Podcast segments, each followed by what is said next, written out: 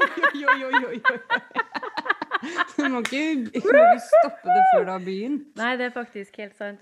Ja, nei, men da Nå kjører er vi. jeg er tett i nesen. Ja, sånn får det være. Oi, oi, oi. Jeg må hente meg litt Ottervin. Vent litt. Ok.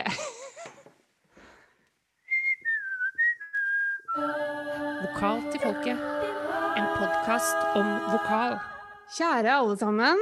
Hjertelig velkommen til en ny episode av Vokal til folket. Foran meg, eh, på min laptop-skjerm via Zoom, så sitter min venninne og kollega Mari Klingen. Mitt navn er Karina Fransen, og det er altså vi to som skal lede dere gjennom denne ferske, rykende ferske podkastepisoden av din favorittpodkast på internettet. Altså Var den lang? Den var lang, den kanskje? Nei, det var helt konge! Ja, så bra. Og så voksent. Syns du? Jeg likte det. Ja. Ja, og så i og med at jeg satt og fneis, eller fnisa, fnas, Fneis. hele innledninga, så følte jeg liksom at nå, nå er du er den voksne, og jeg er bare tull og vas. Ja. Men det må være lov. Det må faktisk være lov Ja, i pandemi. så godt å se deg. I like måte. Det er jo ikke ofte Nei, vi ses nå for tida. det er veldig sjelden. Det har ikke skjedd deg i år. Nei. Nei. Det må vi snart gjøre noe med. Det må vi faktisk gjøre noe med. Vi får håpe at det åpner litt opp snart. Eller for det første må vi jo håpe bare at ting roer seg og smitten går ned. Og så får vi håpe at det åpner seg. Og Ja. at vi kanskje kan få lov til å spille inn podkast i samme rom. det hadde vært Ja. koselig. Det hadde vært veldig bra. Og nå, eh, som jeg sa til deg før vi gikk i rekk her, så måtte jeg springe og hente meg litt otrivin med mentol. Men det, det, skal, det må vi slutte med. Eller jeg, da, for du bruker ikke sånt. Fordi okay. at det, det skulle, tenkte jeg egentlig jeg skulle si på podden i dag. For at jeg la sånn sånn skrekkhistorie i lokalavisa her om ei som måtte operere hele nesen fordi at hun har brukt for mye Otterivin. Oi. Og etter det tenkte jeg nå er det nok. Hvordan opererer du hele nesen? Hvordan Nei, gjør du det? Hvordan foregår det?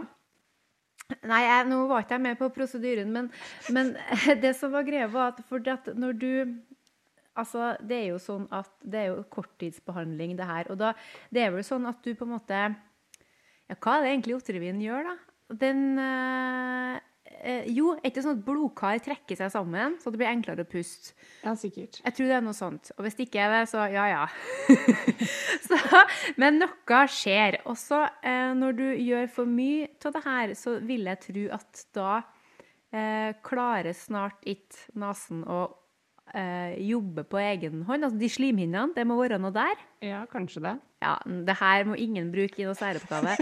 Men så da, eh, Og da blir du avhengig, ikke sant? Du, du, Ja. du blir tett i nesen hele tida, kronisk tett. Så Ja. Veldig dårlig stemning. Så det her mennesket, stakkars arme sjel, hun måtte operere da, og, og sa at det her Og det burde ha vært på resept, sa hun. Ja. Og jeg altså, følte meg så truffet, fordi jeg må si, jeg syns jo det er digg, da, når man er liksom tett. og jeg bruker jo egentlig mest sånn nesehorn før jeg skal legge meg, for å Ja.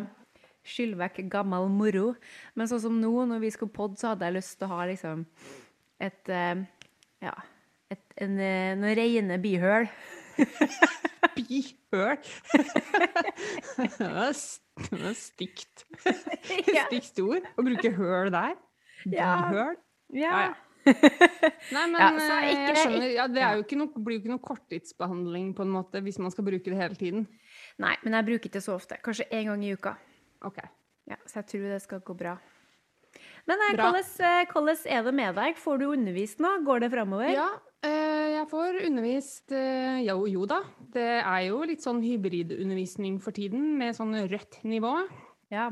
Nå har det jo vært rødt pluss, så vi, i Oslo har vi jo vært hatt hjemmeskole lenge, men eh, nå er vi tilbake på rødt. Men da er det jo på en måte eh, halve elevgruppa på skolen og halve hjemme. Og, Ja. ja. En annen timeplan har vi også, for å få det til å liksom fungere. Så Ja. Det er vel kanskje den formen som jeg liker minst, må jeg si. For det én ting er på en måte enten selvfølgelig det aller beste er å være på skolen, men, ja. men eh, det der med å ha noen, noen som følger med på nett, og noen som er på skolen, Ja. ja, liksom på og av, det, det er ganske slitsomt. Men det er jo bedre enn at, at vi skal være hjemme, selvfølgelig. Ja. Så ja, det er fint for elevene å få muligheten til å komme på skolen innimellom. Og det er jo, for sangundervisninga sin del, så er det jo absolutt mye bedre å ha muligheten til å ha time annenhver uke på skolen enn å ikke ha det. Ja. Ja. Nei, det har jeg full forståelse for, altså. Vi eh, har jo på en måte Jeg føler at altså, Vi starta jo året med å ikke få lov til å undervise, og så var, var jeg liksom en rask rask tur innom før det ble nedstenging igjen. Og nå er vi tilbake eh, på skolen og har sangtimer. Og det, for min del, så er jo det da prega av en ekstrem overtenning fra min side. Altså, første dagen med undervisning etter liksom den her andre eh, Nei, det var kanskje første lockdown, eller andre, jeg husker ikke. Det er så mye lockdowns nå. Så vet du meg hva? Da For det første så Jeg blir jo så hektisk, for jeg føler liksom at jeg må ta igjen for alt jeg tapte. For det har jo Ja. noen Zoom-timer. Og så merker jeg Jeg snakker jo altså så fort. Og veldig sånn i høy pitch. Og blir helt svett av meg sjøl. Altså, et, når, når siste student har gått, så er jeg liksom jeg, sånn tom, på en måte. Og en, første dagen så ville jeg liksom jobbe med denne high belting, og det hadde ikke jeg gjort på en stund, så jeg hadde, hadde jo ikke noe dybde etterpå, fordi jeg skulle jo bli med, jeg òg. Og vi jobba og demonstrerte og styra og ordna opp i toppen der. Og denne uka her så har, eh, har jeg jo introdusert studentene mine for Maris bootcamp. Jaha. Og det har jo òg ført til at jeg er støl nå. Eh, veldig støl i lårmusklene, fordi det har gått vilt for seg på mine timer, der vi eh, driver med squats mens vi da synger, ikke sant, for å nå ja, for å nå høye toner og for å liksom eh, opparbeide en sånn fri, fleksibel måte å jobbe på. Eh, og for dere, da, kjære lyttere, som har lyst til å prøve det her hjemme, så skal dere nå få en eh, kvikk innføring i Maris bootcamp, så dere kan gjøre det sjøl. Og når dere gjør det, legg gjerne ut et bilde på Instagram og, og bruk hashtaggen Ja. Maris bootcamp. Nei, altså, jeg skulle gjerne ha visst frem det her, men jeg orker ikke. Så dere får bare se det for dere.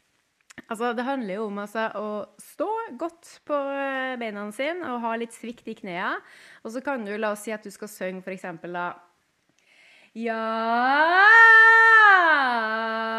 Gjerne litt høy, men jeg orker ikke å rope nå. Nei, nei, nei. Så, så kan du liksom stå og gynge litt på den første ja, og så på topptonen skal du sette deg ned.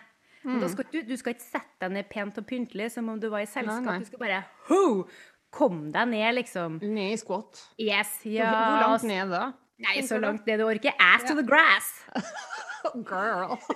ja, altså, altså du begynner her, ja, og så på topptonen, nå skal du være helt ned, og så kan du opp igjen, Ja. ikke sant? Og det er jo for at øh, øh, Ja, rett og slett for at rumpa di skal ned når tonen går opp. Ja. Og da skaper du jo en, en, en motstand i kroppen.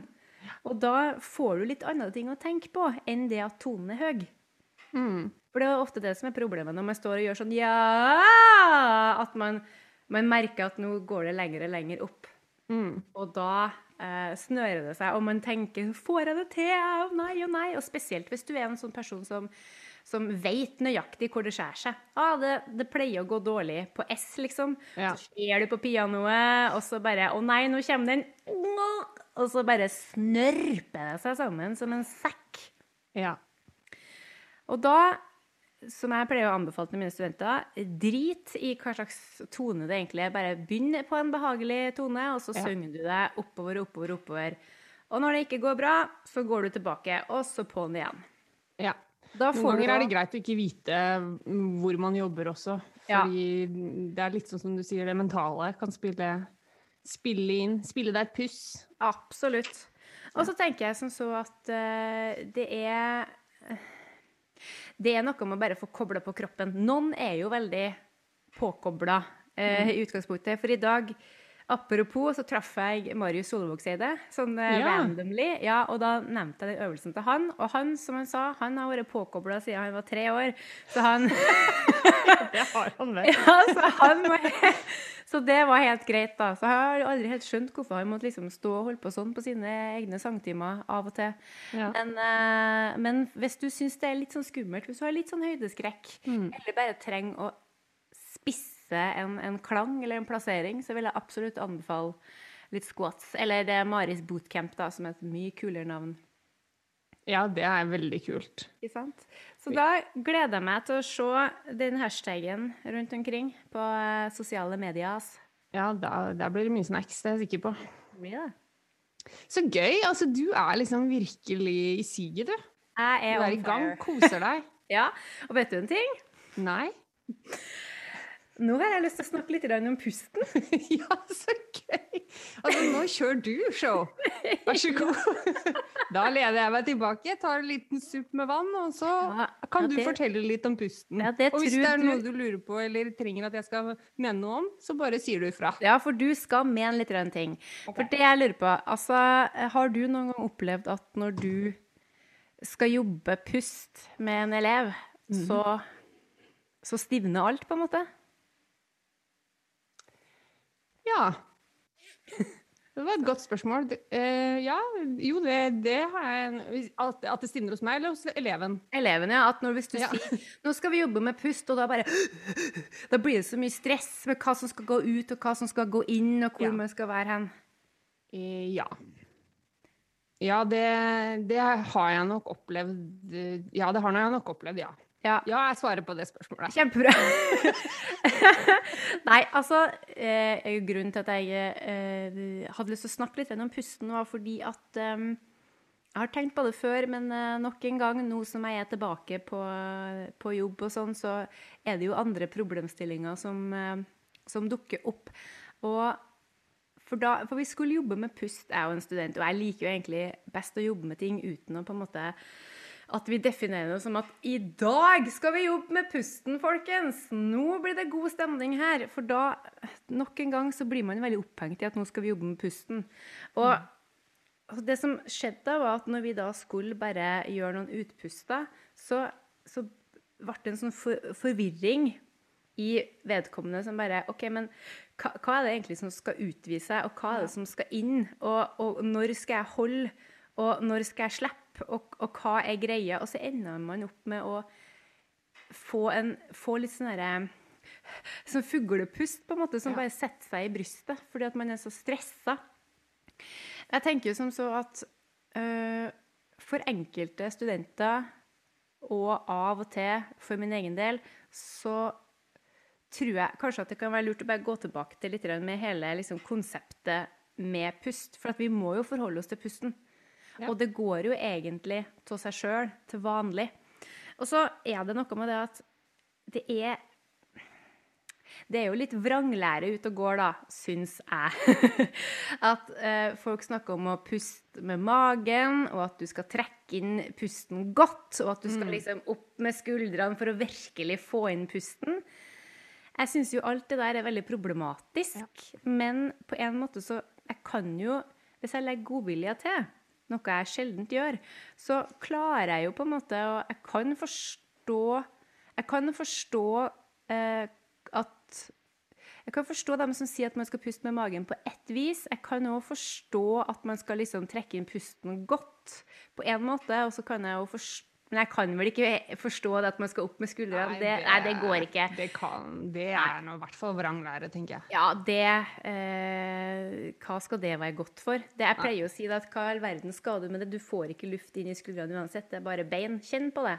Ja, ja, For det er akkurat det der med eh, bodymapping føler jeg er en sånn bra start hvis man har lyst til å på en måte gå litt i dybden på det med pusting. At du stiller deg opp eller sett eller gjør noe det du vil. Men så kjenner du litt etter liksom på overkroppen. Hva er det egentlig som foregår? Hvor er de ulike tingene? Hvor er lungene? Hvor er diafragma? Hvordan beveger ryggen seg når du puster? Hva skjer med solar plexus? Hva skjer lenger ned på de nedre bukmusklene? Hva er liksom greia her?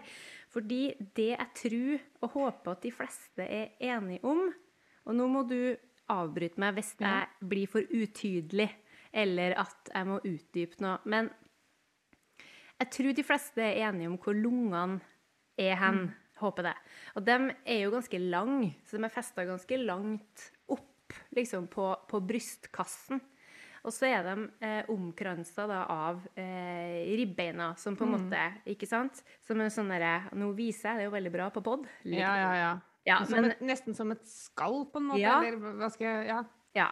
Og inni der ligger lungene og koser seg. Og så er da lunga nederst Altså lung, helt nederst på lungene så er de jo da festa til diafragma. Ja. Og diafragma blir jo på en måte en slags sånn derre ja, Nå viser jeg igjen, men en litt sånn derre eh, kuppelforma, litt sånn muskelplate av noe slag, med veldig sånn senete midtparti. Og den diafragmaen er, bør jo helst være litt fleksibel. Mer om det. Sånn at, og da, og da eh, ligger jo da diafragma rundt hele under der. Ja. ja. Vi kan legge ut Jeg tror kanskje vi, vi kan Vi legge ut en video her Ja, nødt av akkurat dette. Så Vi er nødt til å gjøre det. Men det som iallfall man kan prøve å se for seg, da, er at diafragma som ligger der, den muskelen, eh, den er jo ganske tynn, så vidt jeg har skjønt. Ganske tynn.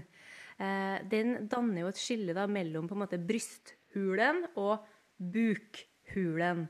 Og når vi da puster inn ved vanlig innånding, så vil diafragma bevege seg nedover, Nedover. For, fordi lungene utvider seg. Og når diafragma går ned, så vil innvollene flytte seg litt nedover og ut. Og det er bra. Og når du da puster ut, altså ved utånding, så går diafragma tilbake igjen. Og det er jo litt sånn der at du må nesten se for deg at når du puster, så må du tenke litt på ok, hvor, hvor er lungene dine hen? Hvor er det du fyller den faktiske lufta? Jo, den går i lungene, men lungene utvider seg liksom utover og litt nedover. Og så er det diafragmaen da, som, som pusher innvollene nedover. Så det skal på en måte, jeg tror kanskje det er det folk mener med å puste med magen. At du skal på en måte være litt sånn avslappa i magen. sånn altså, Da snakker jeg om de nedre magemusklene. Ja, sånn at du skal gjøre plass for diafragma. For hvis du prøver liksom å stramme Øh, hvis du, det, går, det går jo ikke an å stramme magemusklene og så puste inn. Det er jo bare vondt. ja. Nå kan alle sammen prøve. Maris bootcamp. ja. Altså, Ja. For, ja, for diafragmaen er jo som et stempel som jobber helt alene. Pusten går inn, pusten går ut. Det ordner seg. Du trenger ikke å tenke så mye på det.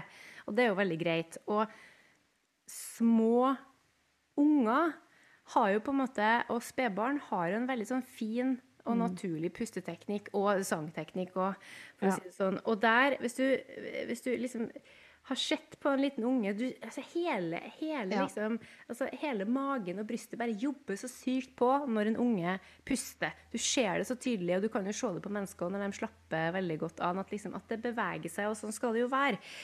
Og så er det bare det at når det skjer noe Det skjer jo noe med oss mennesker når vi plutselig blir bevisst på oss sjøl.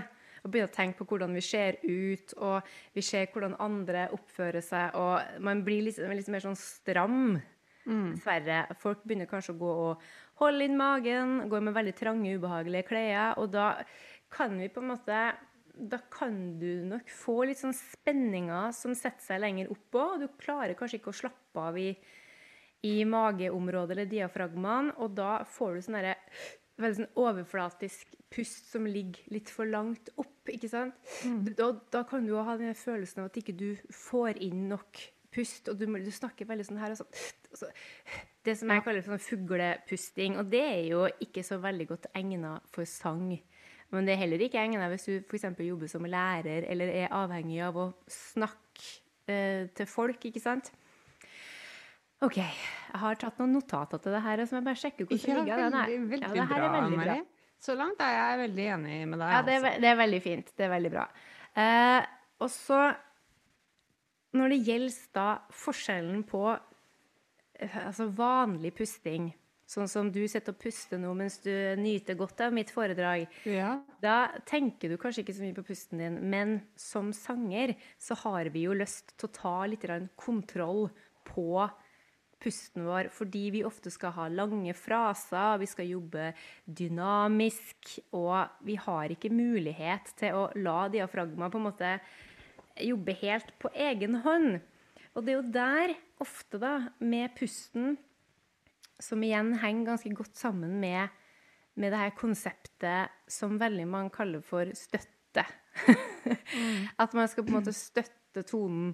Fordi i sang, når du da har på en måte pusta inn, så i stedet for at da diafragma bare skal rett opp, og lungene skal tilbake igjen, så skal vi holde igjen lufta.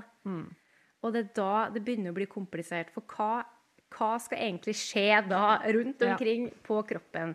For at det er jo ikke noe Altså det at man trekker inn luft, og så puster ut Hvis jeg ikke gjør noe aktivt nå, så vil på en måte kroppen min bare synke sammen. Synke sammen, ja. Ja, og det vil jeg egentlig ikke at den skal gjøre. Fordi jeg ønsker at etter at jeg har fått lufta inn, så vil jeg veldig gjerne at mens den s-en min går, så ønsker jeg å prøve å holde ribbekassa litt ut, ikke sant? Mm. Det ønsker jeg. Og så ønsker jeg jo at diafragma skal på en måte ikke høy, rett opp igjen, Ja, ja, men heller liksom bare holdes igjen. Ikke Ja. holdes fast. Det er ikke snakk om at du skal tvinge noen ting til noen ting. gå saktere. Gå sakte opp, ikke sant? Ja. Og når diafragma har kommet tilbake, da er du ferdig. Ja, da er det slutt. Da er det slutt. Og så kan man på en måte, når man da eh, jobber med det her, så er det jo ulike muskelgrupper som jobber sammen om et felles mål. Og det er her det ofte kan bli litt sånn stress. Fordi hvis du har lyst til å puste ut, eller ha en utpust, eller støtte en tone, eller hva noe slags begrep du vil ha, så hvis du jobber med de nedre magemusklene samtidig som du husker på å holde ut ribba, så må du, da må du trekke inn, eller aktivere om du vil. Her, er det, her er det liksom forskjellige uttrykk. Ja, jeg tenker at jeg, skal, at jeg skal trekke dem inn. At de nedre magemusklene skal trekkes innover. At jeg på en måte drar navlen mot ryggraden. Hvis jeg gjør det mens jeg puster ut, så vil jeg på en måte klare å, å støtte resten av kroppen min. Og, så, og da hender det seg jo at studenter bare OK, så magen, magen skal inn. Da pleier jeg å si OK, de nedre bukmusklene, dem skal inn. Diafragma vil du jo kjenne at beveger seg i en annen retning. Diafragma vil ikke gå innover i kroppen. Du vil jo merke at den beveger seg heller liksom ut og opp. Ikke sant? Sånn at de nedre bukmusklene må da liksom trekkes inn, mens diafragma beveger seg sakte oppover. Vi skal holde ut ved Det er mye å tenke på. Ja, det er det! Og hvis du også står på sangtime og vet at okay, om ti minutter skal jeg gå ut herifra, og det her må jeg tydeligvis lære meg what to do. Men nå, hvis jeg puster og Altså, når det gjelder innpust og utpust, så er altså den innpusten nå er jo litt komplisert. Men hvis vi på en måte bare først nå tenker som så at jeg, at jeg da trekker inn lufta, Mm. og så skal jeg puste ut på en og mens jeg gjør det nå, mens jeg snakker, så trekker jeg inn de nedre magemusklene. Jeg prøver så godt jeg kan å holde ut ribbekassen min. Og ikke minst så tenker jeg òg at ryggen min skal på en måte ha samme bevegelse som diafragma og de musklene på sida av brystkassen har. Ja. Så eh, av og til når jeg, når jeg tror at jeg hjelper studentene mine, så sier jeg alt skal på en måte ut, men de nedre magemusklene skal inn. Ja. Kan du leve med det? Jeg kan leve med det. Jeg, men jeg skjønner at de blir forvirra, og ikke, ikke fordi du sier noe feil eller noe sånt, eller forklarer det, men, men at det er mye å tenke på da, og at for min del i hvert fall, så har det vært sånn at jeg må, kanskje måtte starte et sted, og så har jeg etter hvert som jeg har sunget i mange år, så har jeg kunnet liksom legge på ting, eller jeg har lagt merke til ting Mm. underveis. For eksempel så, så eh, har jeg, altså de aller første årene av mitt stu, i studietid eksempel, så var det jo det her med denne magen som var hovedfokuset, som alle gnåla om at magen skal ut, og så skal den inn, og så, ikke sant, og, og, og det der. Og det har vært hovedfokuset for meg lenge. Og så etter hvert Når det liksom gikk litt av seg selv, akkurat det der, Mm. eh, så kunne jeg begynne å kjenne etter hva er det ribbeina mine egentlig driver med. Mm. Ikke sant? Og ryggen, det er egentlig bare de aller siste årene at jeg har, har liksom begynt å kjenne etter. Og ja, jo, det er kanskje ikke der jeg har mitt hovedfokus, men, men jeg er mye mer bevisst rundt det nå. Men det er jo fordi at jeg vet jo hvordan det fungerer, og jeg har fått en automatikk i det, ikke sant? og et muskelminne. Um, så jeg tror det viktigste er jo at folk ikke gir opp, da. Ja. Og, og at dersom det blir for mye å tenke på med en gang, så, så må man kanskje starte et sted. Og da tror jeg, sånn som du sier, hvis man f.eks. har en for høy innpust, da, altså hvis skuldrene går opp, så må kanskje hovedfokuset være nettopp på det å få, slapp, få kroppen til å slappe litt mer av. Ja. De skuldrene må ned, Mm. og, og at man må finne den litt tyngre pusten. Hvis man har problemer, hvis man er for høy og for stressa og det er fuglepusting, eller hva du kalte det for noe. Mm. Eh, og da pleier jeg å si til mine elever at liksom, legg merke til hvordan du puster idet du våkner, for da er du som regel, har du, puster du dypt, ikke sant? Mm. Eller hvordan puster du når du er på vei til å sovne? Mm. For da, da kan de på en måte relatere det til noe. En følelse av den liksom helt avslappa, Ja. dype pusten. Så jeg Mm. pleier å starte egentlig der, og så ja, Jeg vet ikke, men innpusten syns jeg er liksom det aller, aller viktigste. Og så er det så klart det er komplisert, fordi det fins ulike grader. Hvor Ja. mye, hvor dypt, hvor lenge. Når Mm. skal du begynne innpusten? Og det kommer jo også an på hva du skal synge, tenker jeg da. Absolutt. Ja. Ja, og så er det jo litt sånn at som regel trenger man jo litt eh, mindre luft enn det man puster inn. For at hvis, Ja. det er jo veldig mange som liksom bare Skulle tro at Ja. Men en ting, det som jeg pleier å si til mine studenter, da, fordi det var noe som jeg skjønte um, sjøl Kanskje noen har lært meg det, uh, men da hadde jeg tydeligvis ikke fått det med meg. Men det med, med innpust er jo litt sånn der at hvis utpusten din er god, så vil òg innpusten din bli bedre. Og jeg tenker at innpust er egentlig ikke noe du skal gjøre sjøl, men det må komme av en reaksjon på at du tømmer deg for luft og er Ja. i en slags aktivert posisjon. Og som en gang du da slipper de nedre magemusklene og Ja. åpner opp, så- Og så må du slappe av i magen, for hvis du da holder den der dumme magen fastspent fordi at du tenker at 'å, nå ser jeg tjukk ut', eller noe sånt Hvis du holder den spent, da får du ikke inn den gode innpusten. Nei. Så da får du enten ha på deg noen løse klær og bare Men, men da har jeg liksom Fordi det som kan bli forvirrende da, er jo det at ikke sant, enhver pusteøvelse starter jo med en innpust. Så vi starter jo aldri med at sant, Kanskje det hadde vært lettere da, tenker jeg, å forstå innpusten også, hvis, hvis den hadde starta etter at du hadde sunget den fra seg. Ja, men det gjør jeg. Ja. Ja, for jeg, altså, jeg sier at nå skal, bare begynn nå. For vi, skal ikke, Ja. vi kan ikke begynne med innpusten, for den, den, den, eh, den kommer jo fra noe. Du kan på en måte Ja. ikke starte den. Det Så er at veldig smart. Liksom, ja, så at eh, Jeg sier bare til mine at ok, bare s- Nå tar du den, setter i gang den, og så gjør de den. Og mens de ser, så forklarer jeg hva som skal skje etterpå. Så, for den første innpusten blir jo aldri helt konge. Før du på en måte, altså, Men når stykket eller sangen du jobber med, er innøvd, så vil du jo på en måte Da vil du jo forberede deg på den frasen. Og da vil du gjøre kroppen klar for det. For jeg tenker som så at Med en gang du er liksom tom for luft, eller begynner å nærme deg tom for luft, og med en gang du da Og det er ikke snakk om å presse ut de nedre magemusklene, du skal bare, du skal bare slippe den aktiveringa du har. Når du på en måte drar magemusklene sakte inn, og når du slipper dem, og samtidig liksom åpner opp, så kommer lufta inn. Ja, ja. Hva, hva tenker du hva, hva liker du best? Liker du best å puste inn gjennom nesen, gjennom munnen, eller er det en kombo?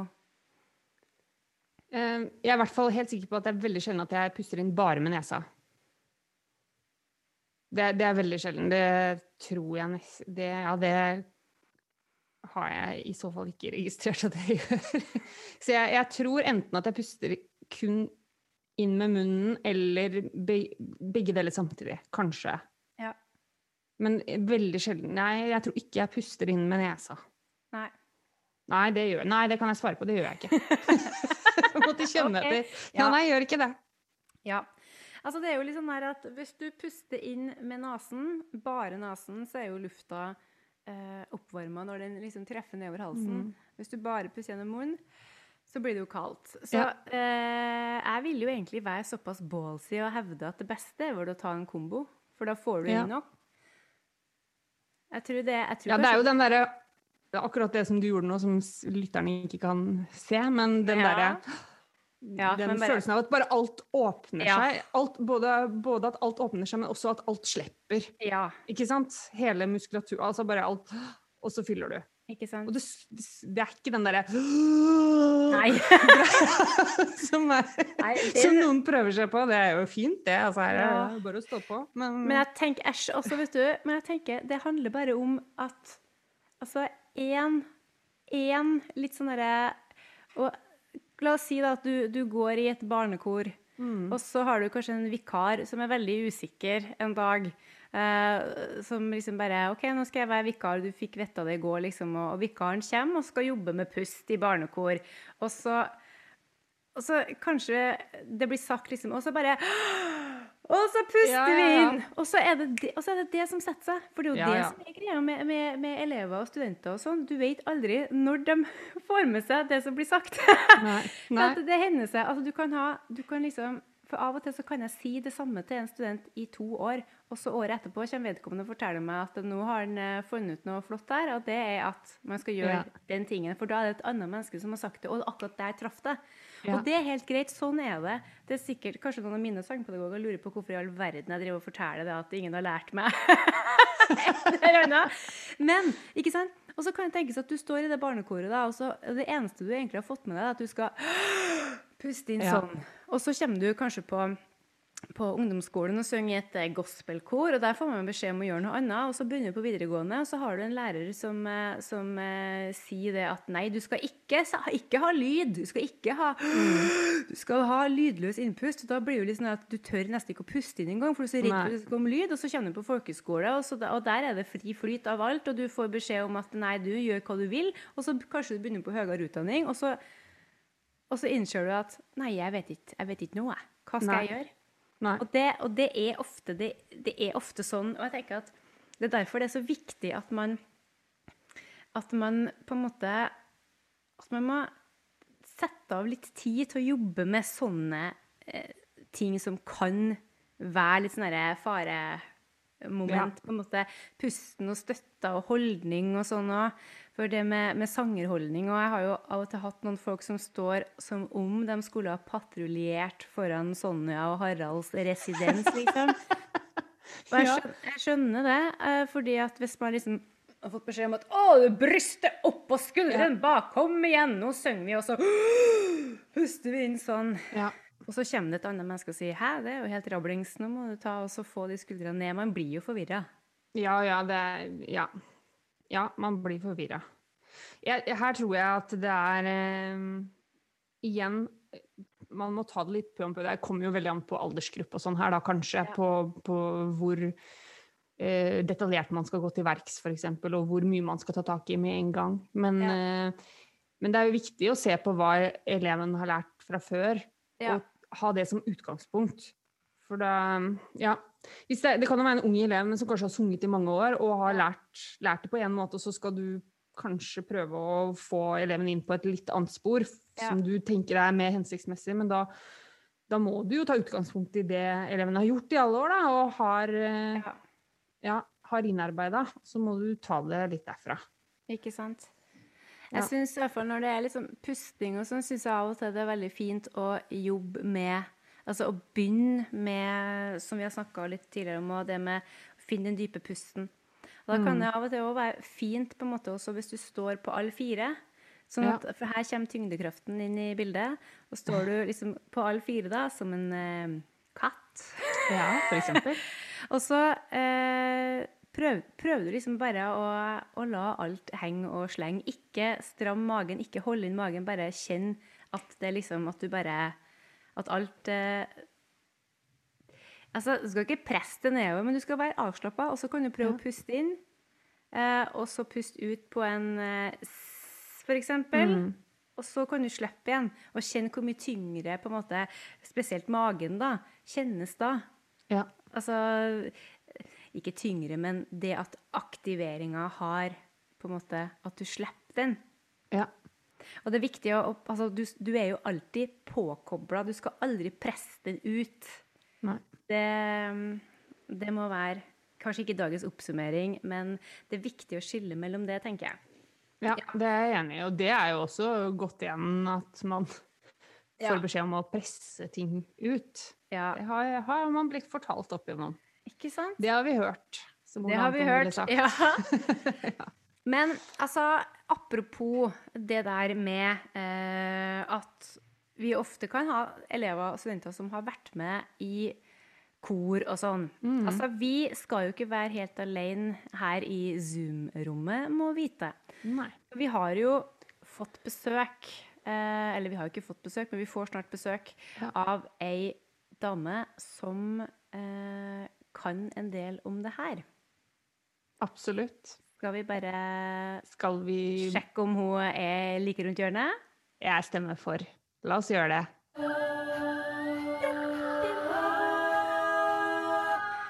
Nå har vi faktisk da fått det besøket som jeg snakka litt om tidligere her nå. Vi har fått besøk av Randi Klausen Aarflot, som er universitetslektor på NMH på fagseksjon for dirigering, sang og kirkemusikk.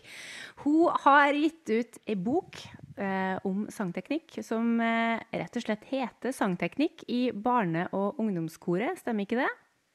Det stemmer. Den har jeg Ja. skrevet sammen med Åshild Skyvik Bauge. Woohoo! Applaus bra, til forfatter! Yes. Men du, Randi, eh, først og fremst takk for at du ville bli med på det her eh, digitale intervjuet. Det setter vi stor pris på. Takk for at jeg ble invitert. Ja, vi prøvde oss i fjor òg. Vi gjorde det. Ja, men det var eh, Og det, det skulle vel skje i mars. Men da fikk Eller mars-april, men da fikk verden litt andre ting å holde på med. Så det, det ble utsatt. Men nå, nå er vi her. Og det er jeg veldig, veldig glad for. Det er godt å høre. Men du, eh, sangteknikk i barne- og ungdomskoret. Hvordan fikk du liksom interessen for akkurat det feltet, eller det emnet? Det tror jeg henger sammen med at hele eh, starten på min interesse for sangfaget, det, det stammer jo fra eh, min egen oppvekst i barne- og ungdomskor. Eh, jeg starta å synge da jeg var fem år. Da starta jeg i sånn barnegospel eh, lokalt der som jeg bodde i Stavanger. Og så etter noen år så, så begynte jeg å synge i korene i Domkirka i Stavanger. Og så gikk jeg liksom gradene der. Um, og det er, jeg vil liksom si det egentlig så, så sterkt som at hvis det ikke hadde vært for det korarbeidet, så hadde ikke jeg holdt på med det jeg holder på med nå. Fordi alt det som har kommet etterpå, har kommet som en følge av, av det som jeg ble kjent med da, gjennom det korarbeidet. Eh, og jeg hadde en sånn opplevelse eh, med, med framførte Messias og juleoratorier annethvert år. Um, og, og jeg kan huske eh, når jeg var 13 år, og jeg sto inne i det store koret med orkesteret foran, at jeg bare tenkte dette er det kuleste jeg har vært med på noen gang. Og dette vil jeg gjøre hele resten av livet mitt. Det var liksom den der, den der ene opplevelsen som jeg vet at mange sikkert kan fortelle om at de husker. Eh, og, det, og, og, det, var helt avgjørende. Og mye av det jeg lærte òg. Eh, ting som jeg ikke har lært senere i utdanningen min, som har vært veldig viktig for, for det arbeidet jeg driver sjøl. Mm. Det var der det starta. Ikke sant? Jeg fikk nesten gåsehud når du fortalte om det her. Ja. Men, eh, og så, eh, men hvordan var liksom veien videre da? Altså, med, med tanke på liksom utdanning og sånn. Det er alltid litt veldig kjekt liksom, å høre hvordan måte, du har kommet fram til det at du da ja, har skrevet den boka og sånn. Ja, altså jeg, jeg, brukte litt tid Jeg gikk musikklinja, og så brukte jeg litt tid egentlig på å finne ut at jeg ville studere musikk. Jeg, har, jeg er en sånn skoleperson. Alltid vært det. Alltid vært veldig glad i å gå på skole og lære og sånn. Så jeg var litt sånn i tvil er det noe musikk jeg skal holde på med.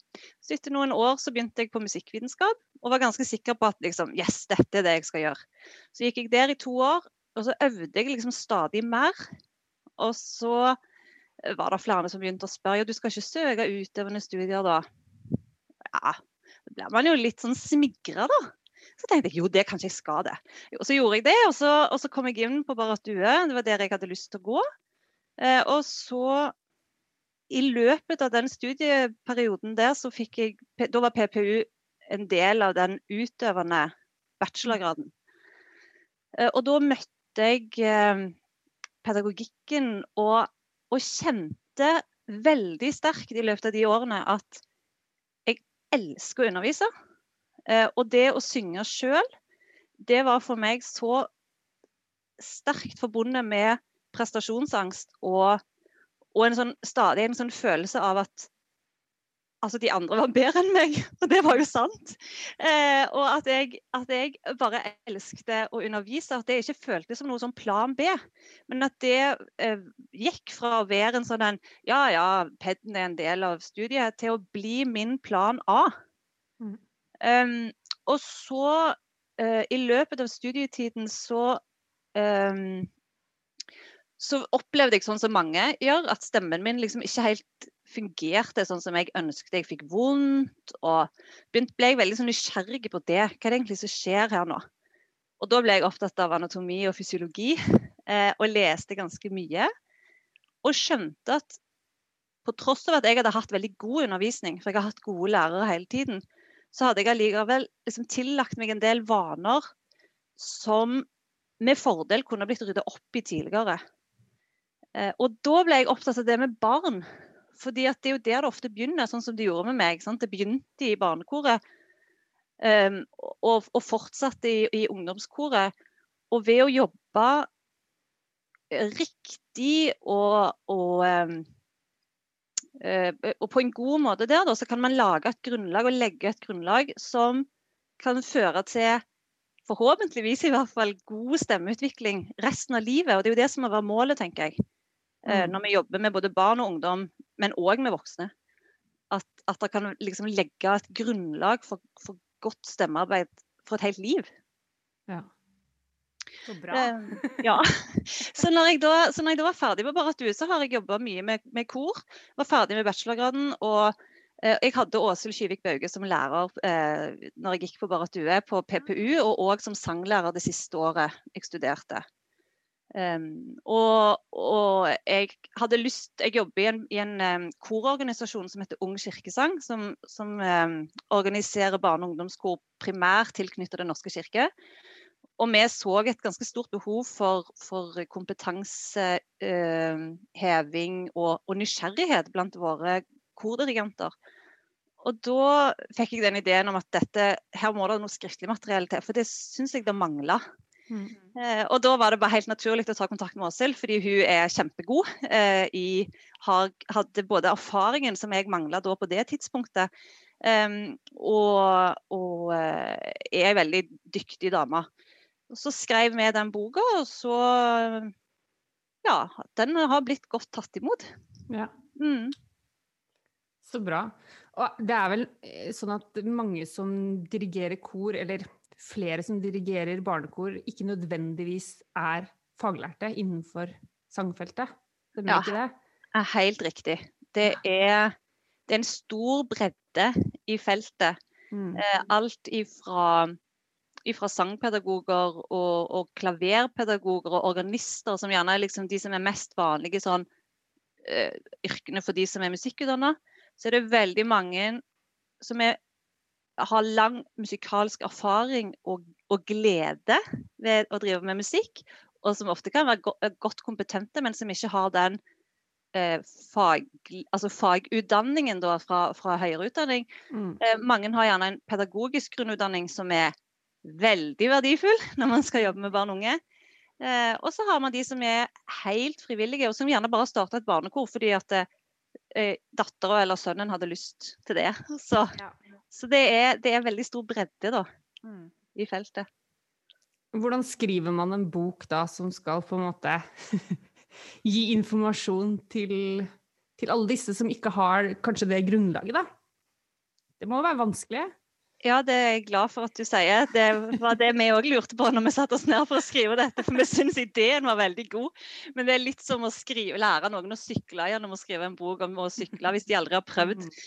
Altså, det som vi i hvert fall landa på, det var jo at, at, vi må skrive på en måte altså Vi har valgt å skrive på norsk, f.eks. Altså, vi har all anatomi og fysiologi og sånn, der skriver vi på norsk. Vi skriver ikke på latin. Um, og vi har forenkla det og jobba mye med det og klarer å forenkle på en måte som fortsatt er sann. Hvis dere skjønner hva jeg mener med det. Altså, mm. Det er alltid en fare når man skal formidle noe og gjøre noe veldig enkelt, at kompleksiteten i det man forklarer, eh, i så stor grad forsvinner at det, at det blir direkte usant. Ja. Mm. Eh, og det, det syns vi var krevende, særlig når vi skulle skrive om, om pustefunksjon og om eh, stemmekompresjon og, og, disse tingene som på en måte vi som sangpedagoger da har gått i dybden på. Og så skal vi da formidle dette til ja, en sykepleier som er engasjert i korarbeidet sitt og får til kjempefine ting, og som ønsker kompetanseheving. Hvordan gjør vi det på en måte som gjør at det både blir interessant og samtidig sant? Mm. Jeg syns vi, vi, har fått det til. Eh, eh, eh, det er selvfølgelig kompleksitet i en del av det som jeg har skrevet som henvendt mot sangpedagoger eller, eller folk med samme bakgrunn som oss eh, ville være eh, altså som har en, brei, en, bredde i seg som vi har valgt å ikke ta med. Men det er jo rett og slett fordi at vi skal nå den målgruppa vi skriver til. Ja. ja. Ja. Ikke sant. Ja, det er jo Jeg tror at det er veldig mange eh, Spesielt kanskje sånne, sånn barnegospel og sånn som blir starta ut av et vanvittig engasjement fra foreldre som bare OK, vi må ha kor! Ja, OK, men hvem skal, hvem skal, være dirigent? For vi er jo ikke så mange her. Nei, men ja, ja, jeg kan, jeg kan litt piano. Jeg kan gjøre det, jeg. Og det er kjempebra. Virkelig, altså. Men, men eh, det kan jo fort bli mye, mye skrik og lite, lite ull. Fordi det, det, som jeg har lurt på, uh, og nå skal du få svar på det. Hvordan Altså, hvordan jobber man egentlig med med de her unge stemmene. Altså, du kan velge sjøl om du har lyst til å svare noe på, liksom, på barnekor eller ungdomskor, men hvis man skal jobbe teknikk, er det noe vits i det, da? Liksom? Til en tiåring, hvor, hvor, starter man hen? Skal man også i, i plenum òg, liksom? Hva, hva gjør vi? Vær så god, her kommer fasiten. Ja, altså, en fasit. Altså, mitt standardsvar er jo alltid 'det kommer helt an på'. Ja, eh, fordi det, det, er jo kontekstavhengig. Eh, men, men, ja, altså det er, veldig, det, det er et kjempegodt spørsmål. Eh, og jeg vil gjerne starte med, med liksom, om det er vits, eller jeg vet ikke om det var sånn du formulerte det, men, men liksom fordi at veldig ofte så fungerer jo barnestemmer veldig godt av seg sjøl. Og de synger naturlig godt, og de har ofte et naturlig forhold til det å synge. Er selvfølgelig avhengig av det miljøet de vokser opp i. Um, men, men, de fleste barn eh, har en, et ganske så naturlig forhold til sin egen stemme og sin egen kropp. Det er klart Når de har blitt ti, da har de blitt så store at miljøet begynner å spille inn. Ja. Men, men, hvis en tenker at, at, dette har vært, eh, dette er unger som, har, som har, har, hatt gode musikkmiljøer hjemme, hvor de har fått sunget, og det har bare fått lov til å spire og gro, og så kommer de i et kor, og sanggleden er på topp, eh, og de synger i vei. Eh, så, så handler egentlig stemmetrening med den målgruppa om å eh, dyrke det som fungerer. heie på det som funker. Og så handler det om å eliminere det som er veldig åpenbart. Og det som ofte er veldig åpenbart, det er det som du sier om å skrike, f.eks. Hvis de blir veldig ivrige, så kan de begynne å skrike. Um, og det er verken liksom, hensiktsmessig sånn rent vokalteknisk på sikt å legge opp til det. Uh, og det er heller ikke som regel ikke det musikalske uttrykket vi ønsker. Så, så er jo en, jeg får ofte det spørsmålet liksom, men hva er vitsen med å jobbe med sangteknikk med unger. Men, men det er en vits i det. Og det handler jo òg om å ta dem på alvor som eh, musikere, eh, som estetiske individer som har et eh, behov og ønske om å uttrykke seg musikalsk. Mm. Eh, og ikke undervurdere det som, som de som musikere ønsker å gjøre. Og da kan det å, å jobbe med sangteknikk være en én av nøklene. Mm. Ved siden av veldig mange andre. Men eh, hva, slags, hva slags type øvelser er det man da kan, eh, kan gjøre? Eh, først og fremst så, så eh, handler stemmeteknisk øving med barn, sånn som jeg ser det, om å bake det inn i lek og bevegelse. Eh, fordi da faller ofte stemmen liksom på plass av seg sjøl. Kroppen og pusten eh, faller litt sånn man, blir, man er ikke så selvkritisk, og det detter liksom på plass. Um, og så handler det eh, litt sånn kort forklart om å lære seg å stå ordentlig. Stå på begge beina Mm. og la armene henge rett ned. Og kjenne at man kan være litt sånn oppreist i kroppsholdningen. Altså bare det, å klare å lære det, er et ganske stort skritt på veien. Eh, det, det ser vi jo eh, allerede altså Man kan se det på musikklinjer, og man ser det faktisk i høyere utdanning òg. Man jobber med kroppsholdning. Det jobber man med hele livet. Og det å begynne med det arbeidet med de små, er kjempefint. Og så handler det f.eks. om å jobbe med pust. At man oppfordrer til å holde skuldrene i ro når de puster inn. At ikke de liksom skal løfte hele brystkassen og, og jobbe med en veldig sånn høy pust. Jeg sier aldri at de skal puste med magen. Fordi det fører som regel bare til at de tar i bruk uhensiktsmessig magemuskulatur som, som ikke egentlig har noe med sang å gjøre. Og så eh, handler det om å få kontakt i, med de registrene våre, altså randregister og fullregister, eller det som gjerne kalles for hodeklang og brystklang. Mm. Um, og, og, og de fleste barn får lett kontakt med de registrene. Og så er det noen som kanskje syns det litt, kan være litt sånn vanskelig å få tak i denne, dette randregisteret, altså hodeklangen. Og da, eh, da pleier jeg å leke, altså, si at vi skal leke spøkelser. Og når vi leker spøkelser, da finner de det med en gang. Ja. Uh, og da minner jeg de på det i repertoar og gjennom hele øvelsen. Og, og dette, det å jobbe med holdning, altså stå godt på begge føtter, med det som jeg kaller for glade knær. Altså at knærne ikke er låst i bakkant, men glade knær, så de er litt sånn bevegelige og glade. Og en oppreist holdning, skuldrene i ro når de puster, og få kontakt med spøkelsesstemmen oppe i høyden. Da er mye gjort. Ja, absolutt. Vi diskuterte litt det her eh, i, i starten av podden, fordi jeg merker det at eh, en del av mine studenter eh, kan synes at det er vanskelig bare det å hvordan man skal stå. Fordi enten så har kanskje ingen sagt noe om det, eller så har det kanskje blitt sagt på eh, Og det kan godt tenkes at det bare har vært en glipp, men kanskje en gang så har det blitt sagt at du må rette deg opp, kom igjen.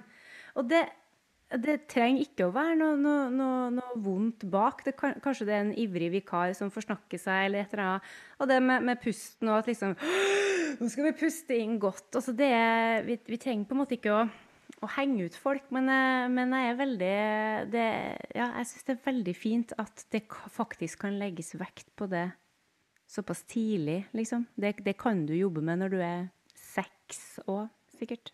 Absolutt. Mine yngste sangere i, i, mine, i mitt, mine kor Jeg har et korarbeid med, med tre kor da, eh, i Fredrikstad, i Glemmen kirke. Eh, aspirantene mine de er fire til seks år. Vi jobber med dette når de er fire år. Men det er Mm. selvfølgelig tilpassa. Ja. Altså, da holder det egentlig bare å stå på begge føtter. Å lære å Mm. stå på begge føtter når du er fire år. Det er faktisk ganske vanskelig. Å stå i ro. Og det går egentlig ikke når du er fire. Nei, det gjør greit. Da får du glade knær, da, vet du, så går det så greit. Veldig glade knær. Altså føttene, bare holde begge føttene i bakken. Ja. Det er liksom, det er egentlig nok. Ja. Ja. Så det, altså det er mye, også mye imitasjon, da, som du sier, og det må på en måte finne bilder som de kan kjenne igjen, og relatere, relatere til stemmen. Ja. Og, Ja. og det, med, det med imitasjon, det har jeg eh, eh, blitt ganske bevisst på de siste årene. eh, verdien av det, og, og, og, hva man skal være oppmerksom på. fordi at det, Barnestemmen er jo et instrument i utvikling. Det er jo òg ungdomsstemmen. Altså Stemmen vår er jo i utvikling til i starten på 20-årene. Og, og, for barn å imitere eh, skolerte sangere det vil ofte føre til at de må De strekker seg veldig langt for å tilfredsstille ja. det vi gjør. Mm. Sånn at eh, det er ikke nødvendigvis en fordel. Der har de, de som de entusiastene som ikke er, er utdanna sangere, faktisk ofte et fortrinn. Eh, ved at man skal synge ganske nøytralt, eh, litt sånn sjangernøytralt òg. Fordel det. Og, og, og litt sånn på en måte stemmeklangen kan bli litt sånn Selve stemmeklangen kan bli litt sånn uinteressant, men så må man kompensere da med å gjøre musiseringen ekstra interessant. Fordi at hvis disse ungene skal imitere, så må jo alt det musikalske man ønsker å få på plass, det må være på plass med en gang. Fra vår egen foresynging. Men stemmeklangen kan med fordel gjøres litt sånn non-vibrato, litt sjangernøytral. Ja. ja, vi vil jo ikke kanskje at de skal late som de er noen andre Eller at de er eldre enn de er. For det er kanskje ikke så hensiktsmessig. Nei, og særlig ikke stemmer i vekst. Fordi at de skal få lov å utvikle seg eh, i sitt eget tempo eh, og, og, på en god måte for den enkelte stemme. Og hvis de begynner å imitere andre, uavhengig av sjanger, eh, så kan det skape ja, i hvert fall ikke de, Det er ikke de gunstigste forholdene for en god utvikling. Det, altså, jeg var jo ikke med i kor da jeg var lita. Jeg begynte liksom i ungdomskor da jeg var Hva var jeg da? Eh, 13, kanskje. Eh, sleit litt der fordi at jeg eh, hadde på en måte hadde ett gir, og det var liksom bon gass brystklang. Og så sang jeg sopran, eh, og syntes at alle som sang alt, var på en måte Stakkars dem, de kommer ikke opp. Problemet tror jeg nok egentlig var Jeg er glad jeg ikke har hørt de greiene, for jeg tror kanskje at vi hadde en veldig ivrig sopran som på en måte bare var litt solist der. det, det, men det er sånne jeg, altså, Hvis vi tenker litt sånn ungdomsstemmer og sånn, så hender det seg jo at det kommer eh, Har hatt eh, sangere som eh, Når jeg jobber på folkehøyskole, som kommer og sier at OK, stemmen funker ikke, fordi den er bare av og på. Jeg klarer ikke å synge i kor. Fordi eh, jeg klarer ikke å synge så lyst og lett. Det blir liksom bare det blir monsterstemmen. Og hva gjør man da som, eh, som kordirigent når man har fem sopraner, og en av dem er på en måte Beyoncé? Ja, hva gjør man da? Det er et godt spørsmål. Altså, eh, det er klart at akkurat sånne tilfeller Det er jo da jeg er glad for at jeg sjøl har en sangpedagogbakgrunn. Eh, fordi at da ville jo jeg sannsynligvis tatt den ungdommen til sides og, og, tatt en prat, og kanskje lytta litt på vedkommende eh, sånn eh, på privaten. Sant? At ikke vi mm. tar alt det i koret. fordi at det, det, er jo ulike grunner til at ungdom synger på den måten. Eh, noen eh, gjør det fordi de aldri har egentlig klart å finne ut av disse registrene som jeg snakket om, som vi skal begynne å leke med når vi, vi er små. Eh, og, og, og, noen kan fastne litt, noen kan dra med seg for mye stemmemasse eh, opp i høyden og, og, bli det som jeg kaller for liksom overkomprimerte i, i uttrykket. Um, og mye handler om identitet òg i denne perioden, og gjerne en sånn vokal identitet som de syns er vanskelig å gi slipp på. Derfor det, kan det være vanskelig å finne tak i en lys og lett stemme. Altså, det er så mange ting som kan spille inn. Um, men hvis en har en sånn i koret og kjenner at en sjøl ikke helt eh, har den nødvendige kompetansen til å gjøre de vurderingene på hva slags veiledning egentlig den ungdommen trenger, så vil jo jeg anbefale at man får tak i en god sangpedagog. For det kan veldig mye kan være løst bare på én eller to timer. Mm. mm. Det er erfaringen min i hvert fall. At jeg har jeg, jeg, har faktisk ikke opplevd at, ikke, at, vi ikke har fått orden på det så langt. Eh, det kan hende det skjer en gang eller to i livet, men erfaringen min så langt er at det løser seg. Mm. Mm. Det må være fint, for, eh, fint å bli tatt på alvor òg i koret når man er korsanger. For eh, ofte så, så, hører man jo at OK, jeg er ikke helt der de andre er. For man sammenligner seg jo hele tida, ikke sant. Så det å bli tatt på alvor vil jo kanskje gjøre at korinteressen varer lenger òg. Ja, og jeg har jo i mine kor f.eks. har jo ikke jeg opptaksprøver. Og det er fordi at jeg har grunnleggende tro på opplæring. Mm. Eh, og så betyr ikke det at jeg er imot opptaksprøver i enhver situasjon. Det er, gode barne- og ungdomskor hvor det er helt fornuftig at det er eh, opptaksprøver. Det skal være, jeg tenker at det er viktig at det er tilbud til de aller beste òg. Det handler noe om sånn talentutvikling og i, i musikklivet og for sangere, som er liksom helt uproblematisk i idretten, men som er, så, er liksom mer problematisk i musikklivet, sånn som jeg eh, opplever det da. Men, men i mine kor, eh, og jeg bor i Fredrikstad, her er det ikke her, her er ikke det noe jeg ønsker å gjøre. Jeg vil at vi skal ha en inkluderende eh, kordrift. Og jeg tror og opplever stadig at de ungene som starter hos oss, de utvikler seg godt. De kan være eh, Jeg har fått barn inn som, som aldri treffer tonen. Mm. Ikke en eneste gang. Kanskje i et halvt år. Eh, og, og jeg har eh, opplevd at det har løst seg, blir gradvis bedre. Men da må man jo ha romslighet til at sånn er det. Sånn låter dette koret. Så når jeg hører opptak av, av mine kor, f.eks., så kan jeg i perioder kan det låte kjempefint. fordi da, akkurat da var vi i en periode hvor, hvor alle treffer. Og så, og så får vi inn noen som ikke gjør det, og så låter det litt annerledes. Og så går det litt tid, og så blir det bra igjen. og så, Sånn holder vi på. Ja, Mm. Og det, det ønsker jeg. Ja. Så bra. Ja, Det syns jeg høres veldig, veldig fornuftig ut. Altså. Fordi at man møter da eh, fort nok eh, krav til sin egen sangstemme og til sin egen musikalitet. Så jo lenger man får lov til å på en måte ha den litt sånn åpen og fri, jo bedre er det. Men, eh, men det med sånn vedlikehold og øving og sånn, altså hvor mye kan man egentlig Hvor mye kan man forvente? Um, altså, det fine med, sang, altså med stemmen som instrument er jo at de fleste som synger, de synger jo mye. Mm. De, altså de, de, det betyr ikke at de øver, men de synger mye.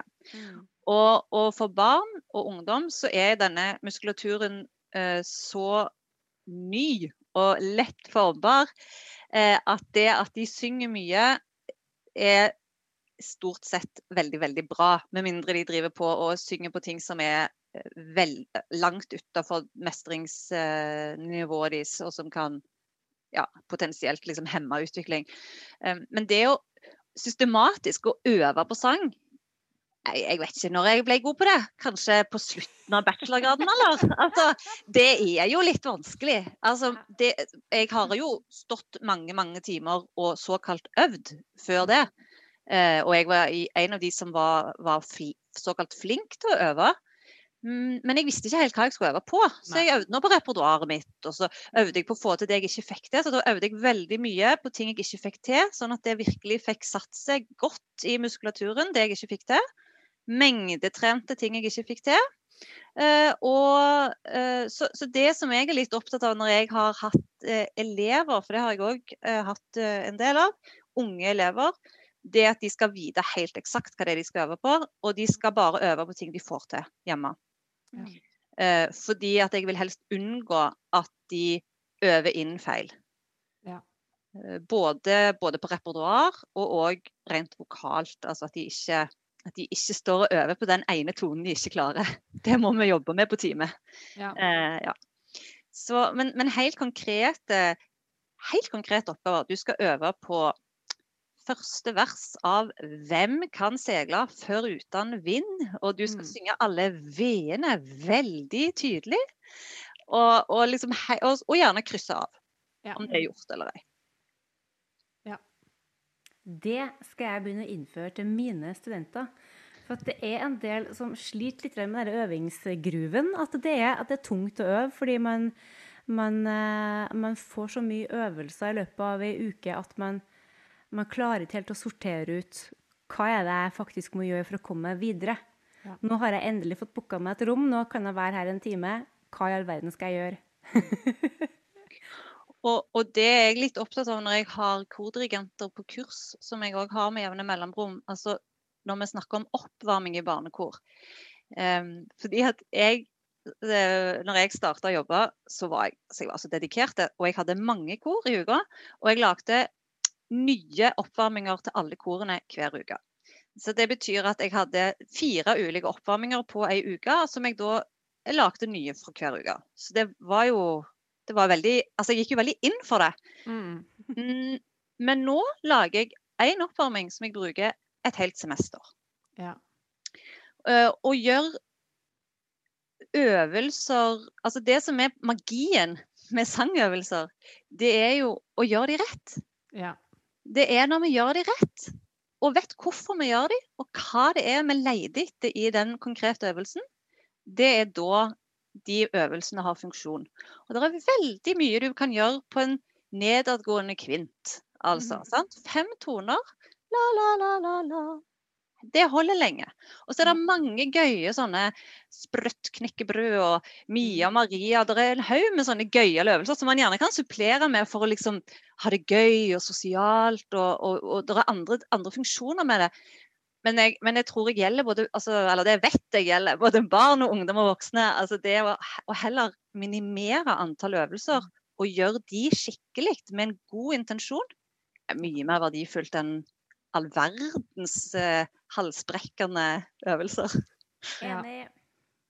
Ja, så ser de jo sikkert, eller de hører utviklinga sjøl også, at de, og de merker at de får til blir mestringsfølelse, da. Mm, det gjør det. Mm. Ja. Så bra.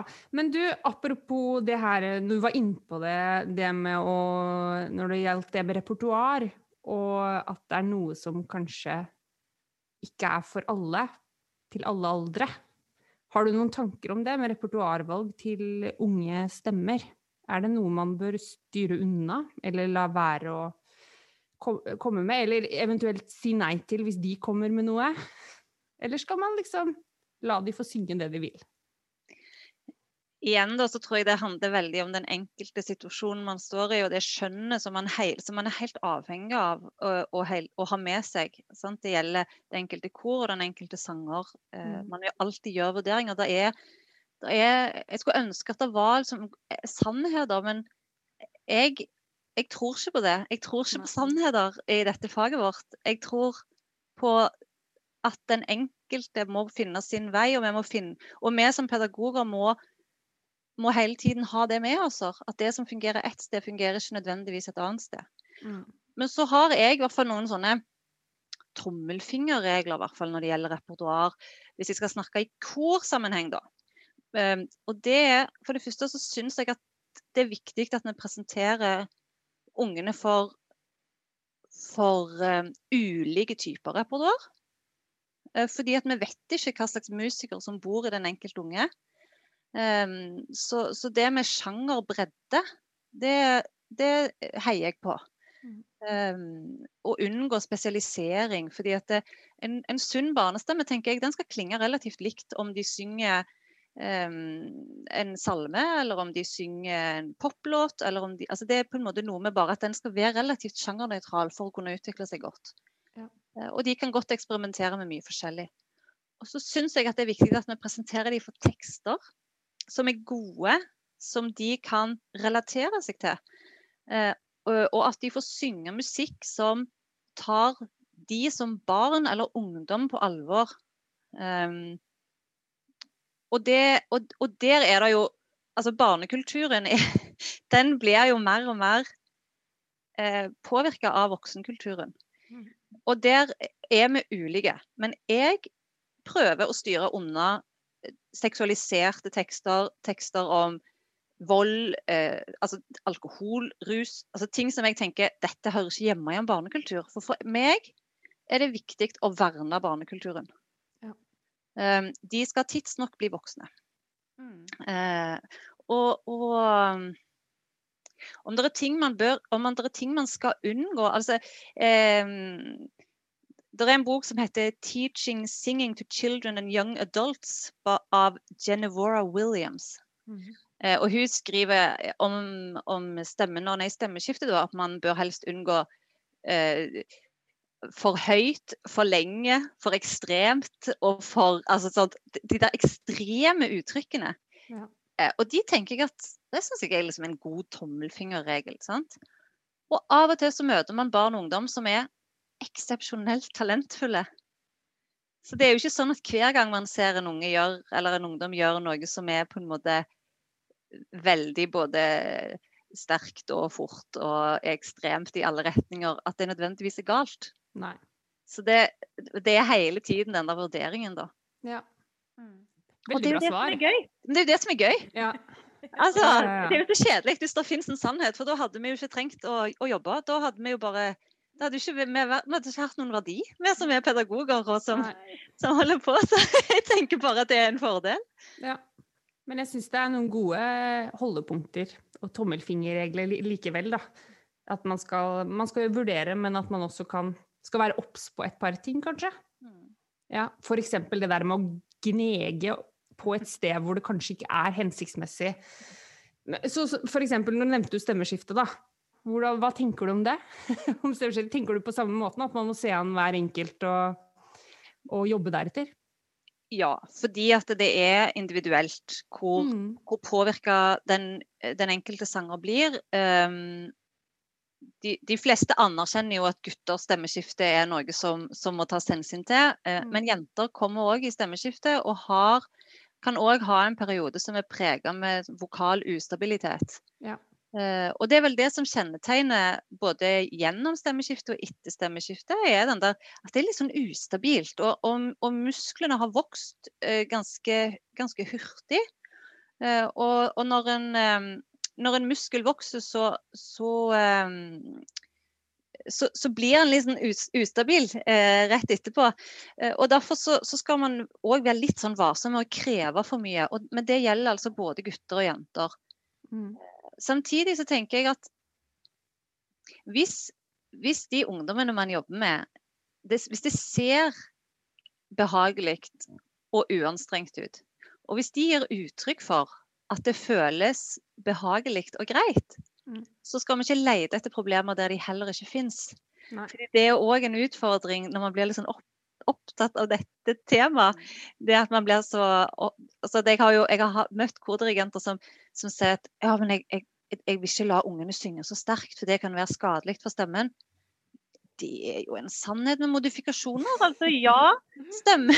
Barn klinger naturlig ikke så sterkt som de fleste voksne gjør, fordi at ansatsrøret, altså disse hulrommene over svelg og munnhull og nesehule, er mindre. Så de, de har ikke den samme liksom, stemmekraften på den måten i sang. De har jo vitterlig det når de er på fotballbanen eller, eller andre ting. Men, men, øh, øh, men man skal ikke stå og holde igjen heller. Nei. Så det er en balansegang. Hvordan, eh, hvordan er liksom forskjellen på altså, å jobbe med unge jentestemmer og unge liksom, guttestemmer? Og da tenker jeg jo kanskje mest sånn før, før puberteten. Hvis du kan si noe om det? Hvis det er noen forskjell, da? Ja, altså um, Graham Welsh, som er jo en av, eh, av de nestorene, vil jeg si, på, på stemmefeltet, han har, han har samla en del av det som har vært gjort på, av forskning på, på barnestemmer før stemmeskiftet. Og, og så vidt meg bekjent, så eh, og det er det, i hvert fall det han skriver i, sine, i sin forskning, er at det er ikke påvist noen eh, forskjeller anatomisk eller fysiologisk da, blant, hos gutter og jenter før stemmeskiftet. Han skriver før ti år. Men så mener man at de klinger ulikt, og knytter det da til at de får marginalt ulik opplæring. fordi at guttekortradisjonen, den, den er jo lang og stolt, og, og der har man noen idealer, noen vokale idealer som, som muligens da videreføres gjennom opptreningen. Eh, Den der litt sånn blanke, litt tette gutteklangen. eh, I motsetning til den kanskje litt luftigere jenteklangen. Eh, Men, men Graham Welsh eh, skriver altså at det ikke Det er ikke noe egentlig grunnlag i stemmen for at det er sånn, før ti år. Um, jeg har både gutter og jenter sammen i mine kor. Det er fordi at det er mest hensiktsmessig i mitt arbeid. Um, der er jeg syns det er gode grunner til at man skal drive med rene guttekor og rene jentekor, er ved at det er tradisjoner for det. Eh, det er et repertoar knytta til guttekor som, som det gir mening at, at guttekorene skal videreføre. Eh, nå skal det sies at uh, i England har de begynt å slippe jenter inn i de tradisjonsrike guttekorene. Mm. Så, så, det er ikke sikkert at det, der kommer til å vare for evig og alltid. Men uh, men jeg, jeg, får av og til spørsmål om Eller hører det blir, det blir, sagt at guttene må ha egne opplegg fordi at gutter er gutter, og gutter trenger en annen tilnærming. Uh, og uh, jeg forstår hvor det kommer fra, og jeg tror at i en del av de guttekorene eller en del guttekor kan oppleve det sånn, fordi at den kulturen òg dyrkes eller, eller aksepteres. Eh, min erfaring når jeg har gutter og jenter sammen, er at gutter og jenter først og fremst er mennesker mm. eh, som er ulike. Basert på at de er ulike mennesker, ikke basert på at de har altså et kjønn. Mm. Um, og, og, jeg er Dette er kanskje litt brannfakkel, men jeg er litt kritisk til, til det fokuset på ulikheter mellom gutter og jenter. Fordi at før pubertet så er de altså barn.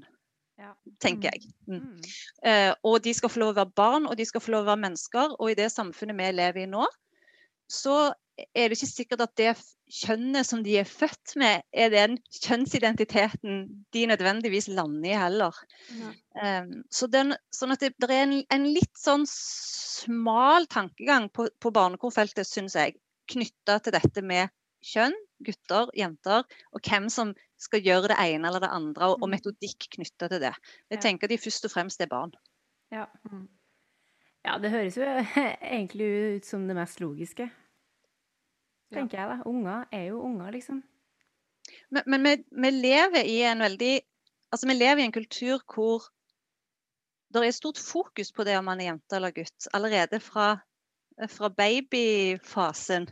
Ja. Mm. Eh, sånn at eh, det er ikke så rart at, at man tenker det, og, og, og, tenker på det. Og særlig òg fordi at det, vi har jo musikalske tradisjoner for, for å dele gutter og jenter. Mm. Og, og, jeg er ikke som sagt, jeg må bare si det igjen, altså jeg er ikke mot det. Jeg er ikke mot at det er guttekor, og jeg er ikke mot at det er jentekor. Eh, men, jeg, men, men det, det, er fint at det kan være en variasjon. Det er fint at det òg kan finnes kor for både gutter og jenter. Men hvis man har både gutter og jenter i koret, så er det jo noe repertoar man ikke kan synge. Altså, Jeg kan ikke synge 'Se min kjole' i mitt kor. Fordi det vil jo, føle, altså det vil jo bli helt feil for de guttene. Mm. Eh, og jeg har lagd en oppvarming til de gutta som de gutta som jeg har i, i barnekoret mitt. De er veldig opptatt av Teenage Mutant Ninja Turtles. Turtles. Ja, så det har jeg lagd en oppvarmingssang på. Ja. Eh, som da vi har sunget på koret. Fordi, liksom, for å inkludere de òg. For det er jo litt Altså, jeg er jente eller kvinne. Eh, mm. Det er en overvekt av jenter i koret. Det er en overvekt generelt av jenter som synger. Så det er klart at de må jo ivaretas òg som, som mm. gutter. Og de, de, synger litt alene i gruppe av og til. Og, og sånn, så, så, jeg er liksom ikke det er ikke sånn at alle skal gå i grønne klær og bli helt prikk like. Det er ikke det, det, er ikke det jeg ønsker. Men, men de, skal, de, skal, først og fremst være barn. Ja, ja. Jeg er veldig glad i både liksom, eh, gutte, altså guttekor og eh, pikekor, som det av og til kalles. Og, men jeg hadde ikke tenkt over hva som er forskjellen. Men når du sier det, ja. Guttene er liksom litt mer sånn ja, sånn blank, liksom sånn klar. Og så skal de pikekorene være veldig sånn, åh, sånn lett. Det er, det er, fiffig. Det er nok uh, Ja.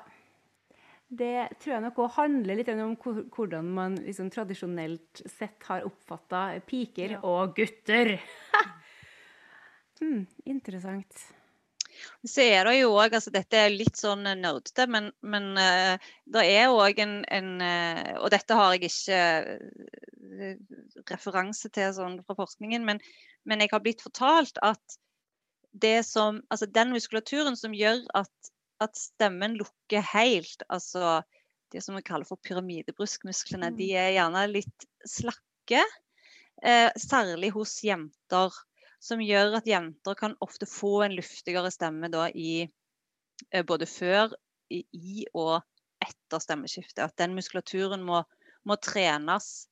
Eh, og det vil jeg jo eh, altså Den luftigheten som man kan høre i en del barnestemmer, den, den mener jeg den skal få lov å være der. Den er naturlig, og den, Mm. den, den er jeg glad i. Den syns jeg er, er vakker å, å dyrke den. Men, men på sikt, eh, når man snakker om sånn videregående skole og, og høyere utdanning, så, så, så er, kan det òg henge sammen med at, at stemmen ennå er i utvikling. Mm.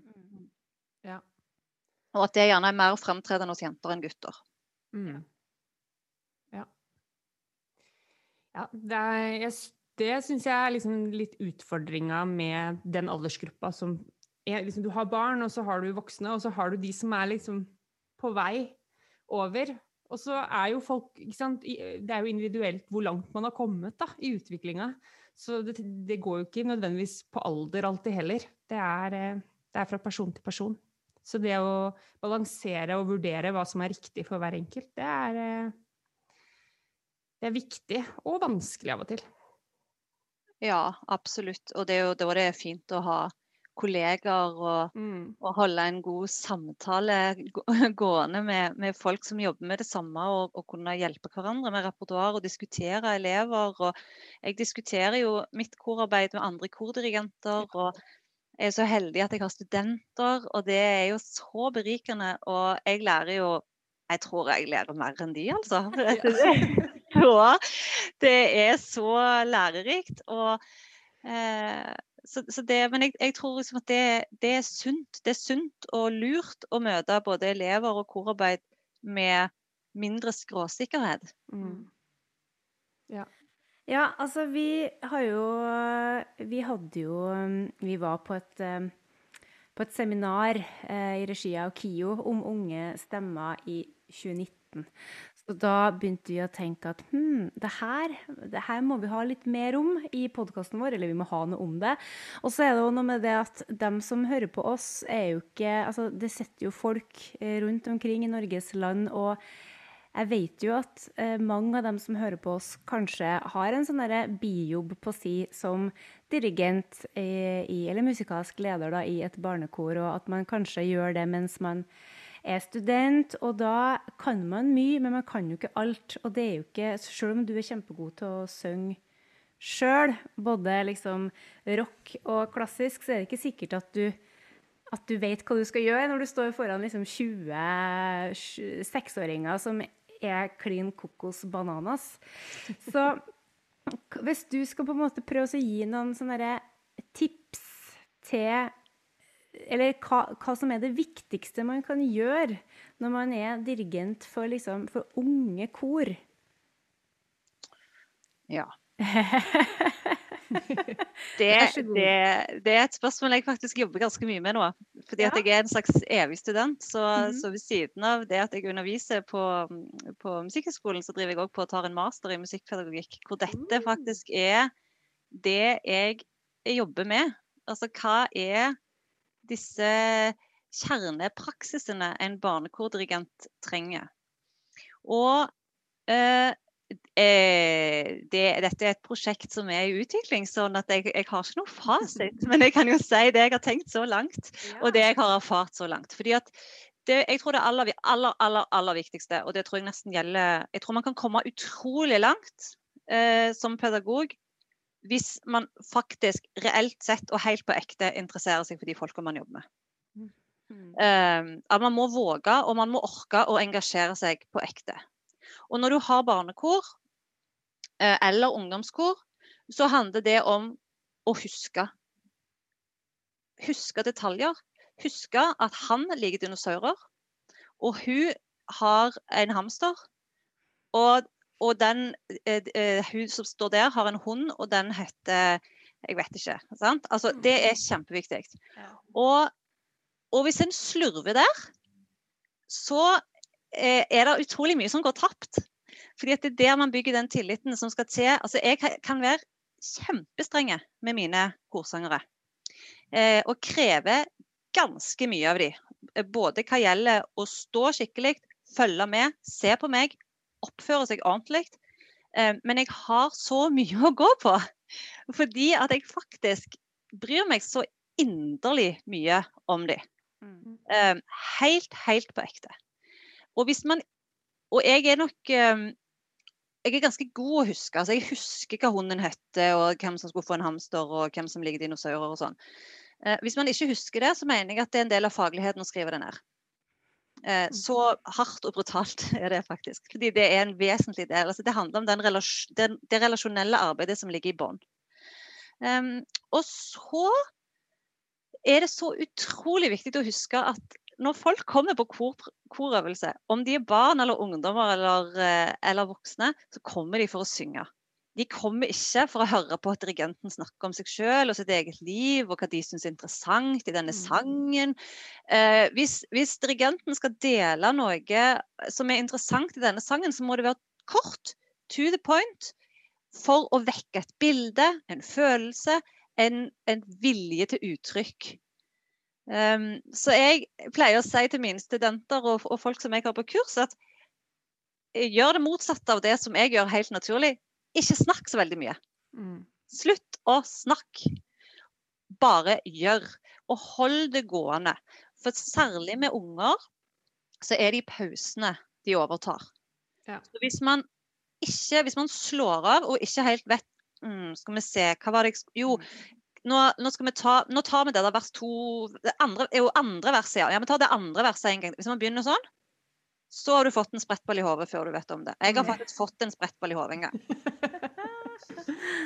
Det var da jeg tenkte jeg lurer på om jeg skal prøve å finne ut litt mer om dette med barnekor. For det kan jo ikke være sånn at man skal få en sprettball i hodet. ja.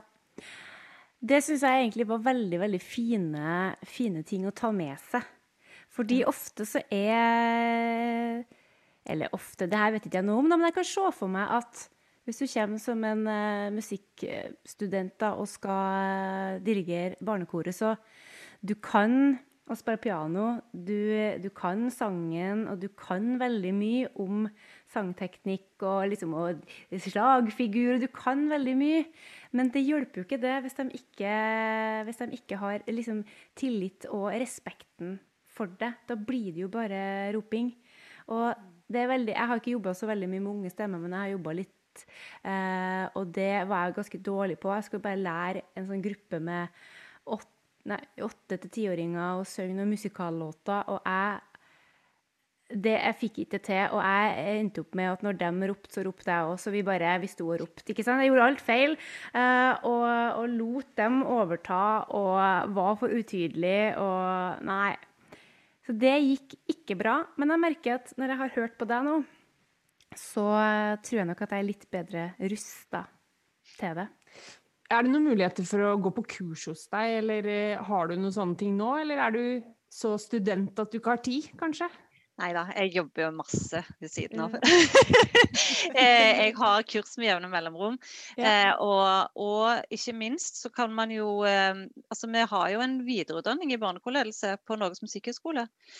Det krever at man har 60 studiepoeng i musikk fra før. Så den mm. henvender seg jo til de som har en musikkompetanse i bånn. Mm. Men det er et veldig fint tilbud som er samlingsbasert. Tre helger. Og, og, der prøver jeg så, så, godt jeg kan å tilpasse den undervisningen til den gruppa som til enhver tid søker. Det er jo det som er så fint, fordi det, det, det, kreves at man har et barnekor eller ungdomskor i, i, utgangspunktet. Og så får man fordype seg i et tema man er spesielt interessert i. F.eks. Ja, sangteknikk eller noteopplæring. Eller? Man kan liksom fordype seg i det, og da får man veiledning konkret på det temaet. Um, og så er det ganske mye altså undervisning om barnestemmen og oppvarming, og òg en god del metodikk, innstuderingsmetodikk, mm. eh, som, jeg, som, jeg, mener er Apropos det med liksom, altså Hvis man skal forberede seg til å ha barnekor, så må man Det, det ligger der, altså. Det ligger i forberedelsene. Ja. Det ligger i at man har planlagt uhyre grundig det man skal gjøre, og at man kan det utenat. Uh, og, uh, og ser, jeg ser på mine korøvelser som en som forestilling. Ja. ja. Tenker på det som det. Rett og slett. Ja. Du må kunne det like godt. Og, og, og, jeg glemte liksom å si at en, en, en, en skal jo ikke, Når jeg sier alt det jeg sier om det relasjonelle og rammer og sånn, en skal jo ikke undervurdere verdien av et godt musikerskap. Mm. Aldri. Man skal aldri undervurdere hvor mye det har å si at man sjøl brenner for den musikken man skal eh, presentere, jobbe med, og kan formidle det på en god måte. For det er jo, det er jo der vi tenner den gnisten. Det er jo liksom hele fundamentet for arbeidet vårt. Men der jeg ofte ser det glippe, er på det relasjonelle og på forberedelsene Ja. og på timing og struktur. Ja. Mm. Og det kan man øve på. Ja. Ja. Ah, Struktur. Øve på flowen. Ja. Men så gøy. Altså, jeg, jeg skjønner at folk vil gå på kor med deg, som har forestillings, Ja! forestillingsøvelser. Det er ikke noe rart at de digger det. Ah, ja, det er sikkert gøy. superpopulært. Ah, jeg syns det her var eh, veldig, veldig interessant eh, samtale, altså, Randi. Jeg er veldig, veldig glad, jeg er veldig, veldig glad for at vi fikk til det her, at du ville komme. Og så tenker jeg jo at når eh, du er ferdig med den masteren, da booker vi deg inn igjen, og så får vi fasiten. Det hadde vært så deilig hvis det var en fasit. Jeg tror fortsatt ikke at den fins. Men kanskje jeg har blitt litt klokere. Enda litt klokere. Ja, Det får vi håpe. Ja, men det, det, det er veldig interessant, altså. Og så tenker jeg jo at eh, forhåpentligvis så sitter jo noen som lytter nå, som kanskje tenker å ja, det Mm. fins faktisk en sånn bok, ja, den skal jeg ha. Eller oi, fins det en sånn utdanning? Den vil jeg ha. Det kan være bra for meg her jeg bor nå, eller dit jeg har tenkt å bosette meg når, ja, når tiden er inne. Ah, nei, det her var strålende. Da foreslår jeg at vi eh, tar en trall. Eller at vi først sier ha det bra, og så kan vi ta en trall. Kanskje, Jeg var så gira. Jeg har lyst til å synge, se min kjole og lyst til å høre på, på Jeg har lyst til å, den derre Ninja Turtles uh, Hva er det det heter igjen? Ni Teenage Teenage Mutant Ninja Turtles. Ja, jeg, det var jo på 90-tallet eller 80-tallet når jeg vokste opp. Det var jo populært da òg, for så vidt. Jeg er blitt Ja. sånn retro. Ikke sant? Kommet opp Altså, du, kan du, kan, hvordan er den øvelsen? Kan vi få en smakebit på den? Det Ja, det er jo bare liksom Det er jo bare, altså, tema, sant? Motivet i den er jo Teenage Mutant Ninja Turtles, Teenage Mutant Ninja Turtles. Så danser vi det liksom til det. Ja, det Og så er det Heroes, heroes in the? Ja, Heroes in a half shell. Her, Heroes, heroes in a half shell Ninja Turtles! Og så er det opp med armene. Sånn! Og så Ja. bare flytter man oppover og oppover. Dette er jo ikke, da vil jeg si, en av de vokaltekniske øvelsene jeg driver med, med sånn nedadgående kvint. Men det er i kategorien samhold og um, Ja. ja. Du kan putte den inn i bootcampen din, Mari. Neste Yes. ukes bootcamp. Det skal jeg gjøre, altså. Jeg har, uh, tidligere i poden har jeg snakka om Maris bootcamp, der vi jobber med squats for å få en fri, fri stemme. Da jobber vi kvint opp. Ta med denne òg. Den er Ja, veldig, veldig kul. Du får god attitude av den. Ja, ikke sant? Det er veldig bra. Altså, det har jo vært så mye mutantvirus nå at jeg har drevet og, og gått rundt og snakka om Teenage Mutant eh, eh, Ninja Virus. Så det her er jo rett inn i gata. Flott. Nei, men du, da eh, må jeg nok en gang få si tusen takk til deg, Randi, for at du ville bli med. Takk for meg. Ha det! Tusen Ha takk. det. Ha det. Du har hørt Vokal til folkets podkast med Karina Fransen og Mari Klingen. Besøk oss på vokaltilfolket.no, finn oss på Facebook og Instagram, og gi oss gjerne ei stjerne i iTunes. Vi tar gladelig imot tilbakemeldinger, tips og innspill. Så ikke nøl med å sende oss en melding. Vi snakkes!